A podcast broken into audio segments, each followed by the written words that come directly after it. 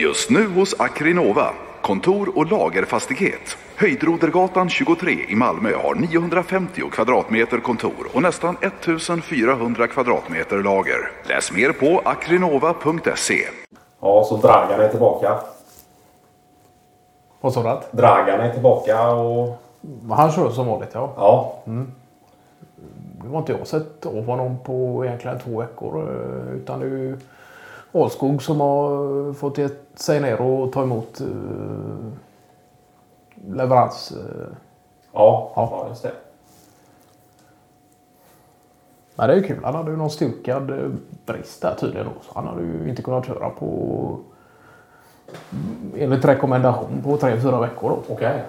Ja, ja, det påverkade hans körförmåga och så pass mycket då. och- Ja, precis. Att, handlar väl egentligen om någon sorts säkerhetsåtgärd då. Att uh, man ska kunna dra ner foten och, och tvärnita om det kommer vilt eller dylikt då.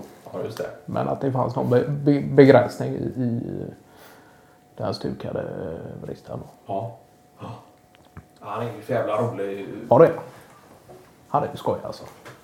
Ja, det är ju lite roligt för oss som uh, kanske inte är ute så mycket i fält. Uh, Ja, Nu gäller ju inte det alla på kontoret då, utan att eh, ja, då det, kan han alltid komma förbi med lite olika roliga stories. eh, Vad som har hänt ute i världen och sådär. ja. Han är ju ute och kring och far. Och, och, Ja, just det. Och det är ju inte bara Sverige. Han är som jag har förstått det. Det är väl inte hela Norden, Nej. men det är väl i alla fall en eh, kan nog vara sträckor både till Danmark och Norge också. Då. Ja, men han är ju, han är ju helt fräck alltså. Ja. Dragan. Jäkla energi och alltid skojfriskt humör och, och sådär. eh.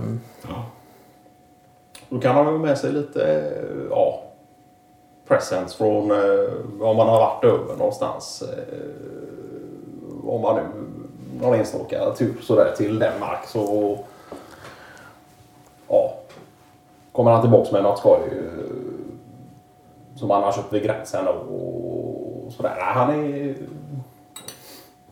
var ju någon gång han hade köpt något parti med ja, flera lå- lådor eh, jordnötter då. Ja. Oskalade då. Och de, han har ju ställt på Alskogs bord. Alltså det var ju en ro- rolig överraskning och då visste ju Alskog direkt att det var Dragan som hade varit där då. Och dansk stämpel på dem. Och,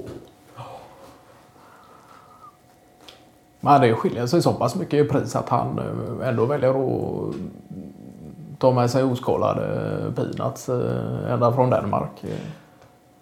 ja, nu vet jag inte om det var priset han gick på eller eh, ja, någon Utan, slags surprise Ja, eh, feeling han fick där nere då. Ja, men han är rolig man hör ju när han kommer och, och man hör ju att det, det skrattas på, på entréplan och så när eh, då vet man ju vem som är i huset att ja, men nu är Dragan här. Eh, nu har väl varit på någon eh, han hade väl haft någon någon serbisk fest. han hade ju skickat, inte skickat ut inbjudan utan mm, sa ju det någon gång där att vi var välkomna att komma förbi då någon sorts eh, föreningslokal inte så långt ifrån. Jaha. Och då skulle det bjudas på mat och det var eh, musik och och sådär. Så att eh, nu var det väl så att jag själv inte kunde gå då eh, på grund av eh, andra omständigheter och ta hand om under helgetid och sådär. Men jag tror att eh, undrar, jag tror att det var så att Jörgen Hylte och, och eh,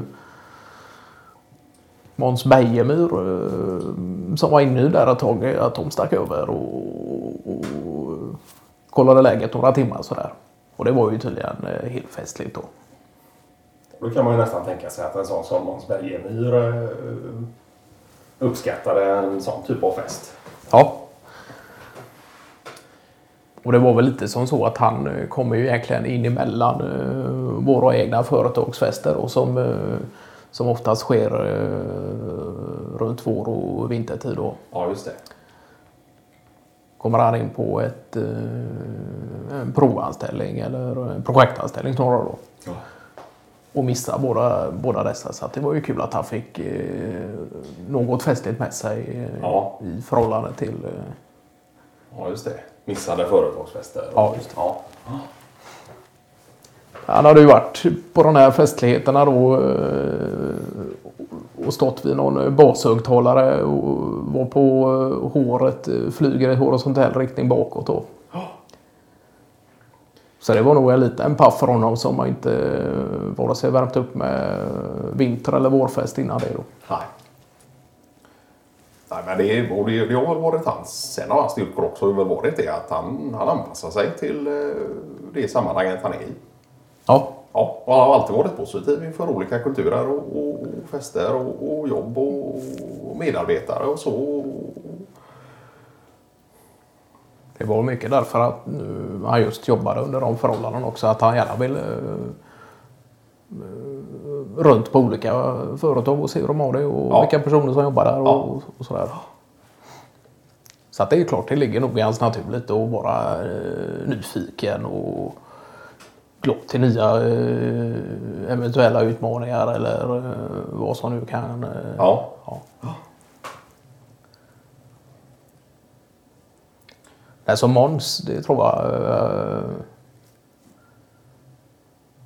att även om han har en fast anställning nu då så eh, kan man nog tänka sig att han ger sig ut på ett och annat eh, äventyr utanför eh, arbetstid också då. Han hade ju sagt det någon gång att för hans del så han skiter i om du, om du har inga barn eller tre barn eller bor i hus, lägenhet, villa eller vad som helst. Utan vi jobbar med varandra och det är det som är det viktiga och vi ska få det här att gå ihop då. Och det är ju lite häftigt att han, han dömer ju inte folk. Nej, det gör han inte.